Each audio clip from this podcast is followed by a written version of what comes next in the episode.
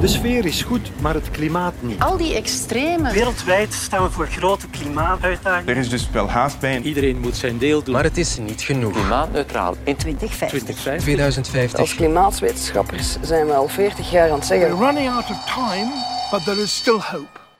Planeet Frank. Voor de klimaatcrisis zijn er geen eenvoudige vaccins. En perspectief bieden is al helemaal onbegonnen werk. Maar we kunnen er niet onderuit. Ik kreeg weer veel vragen over weer en klimaat. Welkom bij de twaalfde Planeet Frank. Spring maar achterop bij mij. Achterop mijn fiets. We gaan met de trein en de bus op vakantie om te zien of eco-vriendelijk reizen haalbaar is. Vegetariërs. De afgelopen jaren zijn er een pak bijgekomen. Maar is het wel zo gezond om vlees van het menu te schrappen? Maar de echte eco-kampioen, dat is toch wel met voorsprong, de trein. Dag Frank, ik ben juf Sijnave. Ik geef les in Ottigny en ik heb nog een vraag voor jou. Wat kunnen de leerlingen doen om de planeet te helpen redden? Met de fiets naar school komen bijvoorbeeld? Of bomen planten in de tuin? Dank u wel. Oké, okay, juf Sijnhaven en leerlingen, we vliegen erin. Enfin, vliegen liefst niet al te vaak, want de vakantiereis naar de andere kant van de wereld vervuilt meer dan tientallen kampeerreizen naar Frankrijk. Het is trouwens veel avontuurlijker en goedkoper om er met de fiets op uit te trekken. Gezond voor de planeet, voor de portemonnee en voor je eigen gezondheid. En geloof me, het regent echt niet vaak in België. Meer dan 90% van de tijd is het droog. We kunnen onze ecologische voetafdruk fel verkleinen door onze voedingsgewoonten te veranderen. Vooral rundvlees heeft een heel grote impact. Runderen vragen heel veel grasland en voedergewassen en water. De Leuvense professor Gerard Govers tweette onlangs als we rood vlees achterwege laten en dus melk blijven drinken en kip en varkensvlees blijven eten, dan kan de wereld verder met de helft van het huidige landbouwareaal. Rundsvlees is wel degelijk de steenkool in ons dieet.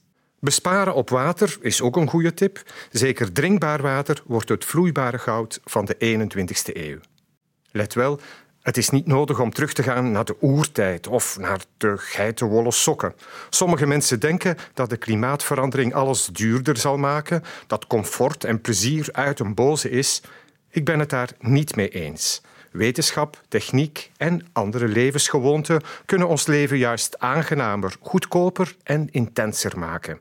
Minder consumeren, meer recycleren en reduceren betekent automatisch geld besparen. Dat geldt trouwens ook voor het isoleren van een woning. Op termijn brengt het meer op dan het kost. Een heel belangrijk punt is ook het onderwijs. Meer bepaald het onderwijs voor meisjes. Als vrouwen langer kunnen schoollopen, zorgt dat voor een daling van de geboortecijfers. Onderwijs en educatie zijn mogelijk de belangrijkste wapens in de strijd tegen de klimaatverandering. Misschien eens luisteren naar de zesde planeet Frank over de overbevolking. Samengevat, je kan dus wel degelijk heel veel doen om onze planeet te redden. En als de overheid klimaatneutraal gedrag wil belonen en tegelijk de energievreters meer belast, met bijvoorbeeld een koolstoftax, dan zijn we op de goede weg. Met de fiets. Spring maar achterop bij mij, achterop mijn fiets. En ik weet nog niet waar naartoe, maar dat maakt niet uit, want ik ben wel de weg. Het is vandaag gemiddeld een pak warmer dan 200 jaar geleden. Vandaag is de aarde een dikke graad warmer dan 100 jaar geleden. Vooral de winters op de Noordpool veranderen snel. Die zijn gemiddeld 3,1 graden warmer geworden dan in 1971. De voorbije maand juli was de warmste maand sinds het begin van de metingen. Vandaag was de warmste 21 februari ooit gemeten. Dat is maar liefst 3,3 graden warmer dan het vorige record dat dateerde uit 1949.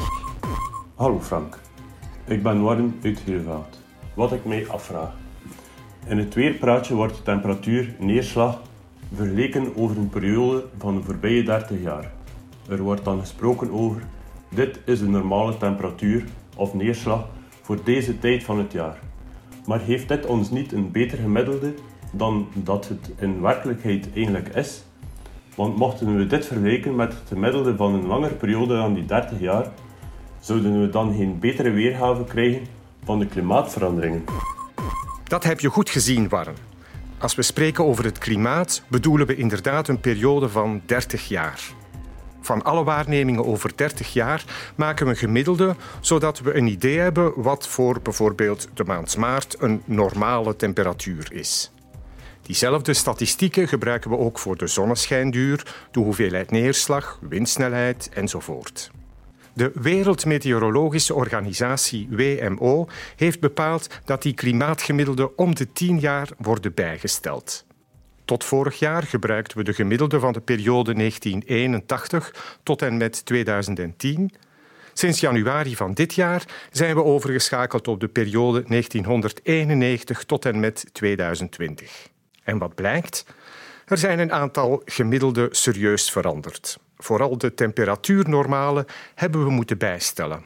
De gemiddelde temperatuur voor de maand maart bedroeg in de periode 1981-2010 6,8 graden. Nu is dat 7,1 graden. Voor het lenteseizoen is er 0,4 graden bijgekomen. Zeker als we vergelijken met de periode 1961-1990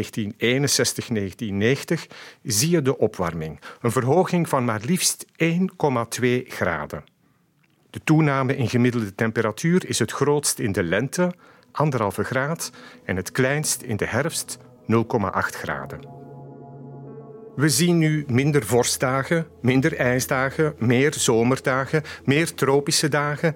De snelheid waarmee alles verandert, hebben we nog nooit meegemaakt. Interessant, sinds de jaren 80 is er een duidelijke toename in het aantal uren zonneschijn, met maar liefst 94 uur extra in Ukkel. Dat is mede een gevolg van de verbeterende luchtkwaliteit in onze regio. En dan nu de hamvraag. Kunnen de nieuwe gemiddelden gebruikt worden door klimaatontkenners om het verleden dood te zwijgen? Wel, ik denk dat de media, de meteodiensten en zeker de weervrouwen en weermannen hier een belangrijke rol moeten spelen. Wij moeten alles in het juiste kader plaatsen waarbij we de mens centraal moeten stellen. Akkoord, vele miljoenen jaren geleden waren er op aarde warmere perioden, maar toen waren er geen mensen. De klimaatopwarming die we nu vaststellen gaat razendsnel. Wij zijn verantwoordelijk voor die problemen. We zullen ze willens ook moeten oplossen. Blijf dus zeker luisteren naar deze klimaatpodcast. CO2 of koolstofdioxide kennen we vooral via de uitstoot van onze auto's. En dat het slecht is voor het klimaat. Het belangrijkste is dat die concentratie van CO2 in de atmosfeer alleen maar blijft stijgen. Radicaal inzetten op die nieuwe technologieën. We gaan de CO2 die uit de lucht komt proberen om te zetten. Hoe komt dat? De MOF neemt alle CO2-moleculen op. Hallo, ik ben Pieter Goossens uit Lokeren en had volgende vraag. Hoe ver staan we met de technologie om koolstof weer af te vangen van de atmosfeer en in welke mate wordt hierop ingezet? Deze vraag lijkt me interessant omdat het koolstofgehalte in de atmosfeer al zeer hoog is en de omschakeling naar koolstofneutrale economie te traag of zelfs te laat lijkt te komen. Goeie vraag, Pieter. Het lijkt logisch. We hebben de CO2 in de atmosfeer gebracht. Wel, we halen hem er opnieuw uit. Maar zo eenvoudig is het niet. Ik haal er een specialist bij. Sarah Vika onderzoekt als onderzoeker-wetenschapper aan de Universiteit Antwerpen de koolstofcyclus in bossen en landecosystemen. Uh, Sarah, we zullen misschien beginnen met het goede nieuws. Er bestaan blijkbaar heel veel manieren om CO2 uit de lucht te halen. Hè? Ja, er zijn inderdaad wel wat manieren om CO2 uit de lucht te halen. Al, al, wil ik meteen wel benadrukken dat er geen mirakeloplossing is om die CO2 die we in de lucht brengen er allemaal weer uit te halen. Mm -hmm. Maar er bestaan dus wel methodes voor. Enerzijds zijn er methodes om CO2 van een puntbron af te vangen. Puntbron is eigenlijk een lokale bron van CO2, zoals bijvoorbeeld de uitlaat van een fabriek. En anderzijds zijn er ook mogelijkheden om CO2 rechtstreeks uit de atmosfeer te halen. Maar ja. vooral voor die laatste groep is er nog wel heel wat onderzoek nodig. Ja, in IJsland staat er zo ergens, denk ik, een of andere installatie. Hè? Ja, dat klopt. In IJsland is er een project van Climeworks waar er CO2 uit de atmosfeer wordt gehaald om dan eigenlijk in de ondergrond te pompen, waar dat die CO2 dan ja, wordt vastgelegd eigenlijk door het gesteente dat daar zit. Maar staan ze al ver? Ik bedoel, gaat het al over procenten of, of, of is het net iets minder? Um, het project in IJsland, daar heb ik geen cijfers van, maar ja, technieken om CO2 af te vangen van een puntbron, die bestaat eigenlijk al wel langer. En momenteel zijn er zo'n 18 commerciële projecten, vooral in de VS eigenlijk. Mhm. En die projecten die vangen samen jaarlijks zo'n 40 miljoen ton CO2 af. En ja, dat lijkt misschien veel, maar Ja. eigenlijk is dat maar een goede 1% van de Europese emissies. Dus Mhm. Dat is nu ook niet zo enorm veel. Nee, nee, nee. Het probleem met ehm, het koolstof afvangen, CCS zoals we dat noemen voor Carbon Capture and Storage, is dat het vooral heel duur is en veel energie kost. En dat het economisch momenteel niet interessant is. Als we de Omdat, eh, CO2 omdat de CO2-prijs niet hoog genoeg is. Ja, ja, dus als we de CO2 er willen uithalen, gaan we in feite nog veel meer energie moeten gebruiken. En hoe maken we die energie? Eh, Ja, we mogen het niet maken natuurlijk met, met olie, dus daar zitten we waarschijnlijk een beetje met een probleem. Ja, dat maakt het allemaal nog een beetje moeilijker. En ja, afhankelijk van de situatie gebruikt zo koolstofafvang wel ja, 10 tot 40 procent van wat een energiecentrale, een gascentrale bijvoorbeeld, produceert. En ja, het verhoogt daarbij ook de prijs van de elektriciteit dan met ja, pak 15 à 20 cent per kilowattuur.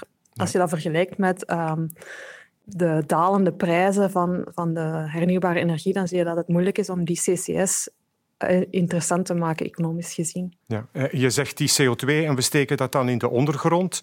Is dat een, een haalbare oplossing? Gaat dat niet terugkomen op een of andere manier? Kunnen we dat niet beter binden met, met een ander materiaal? Ja, eigenlijk kan dat wel vrij veilig opgeslagen worden, althans voor honderden, duizenden jaren, zoiets toch?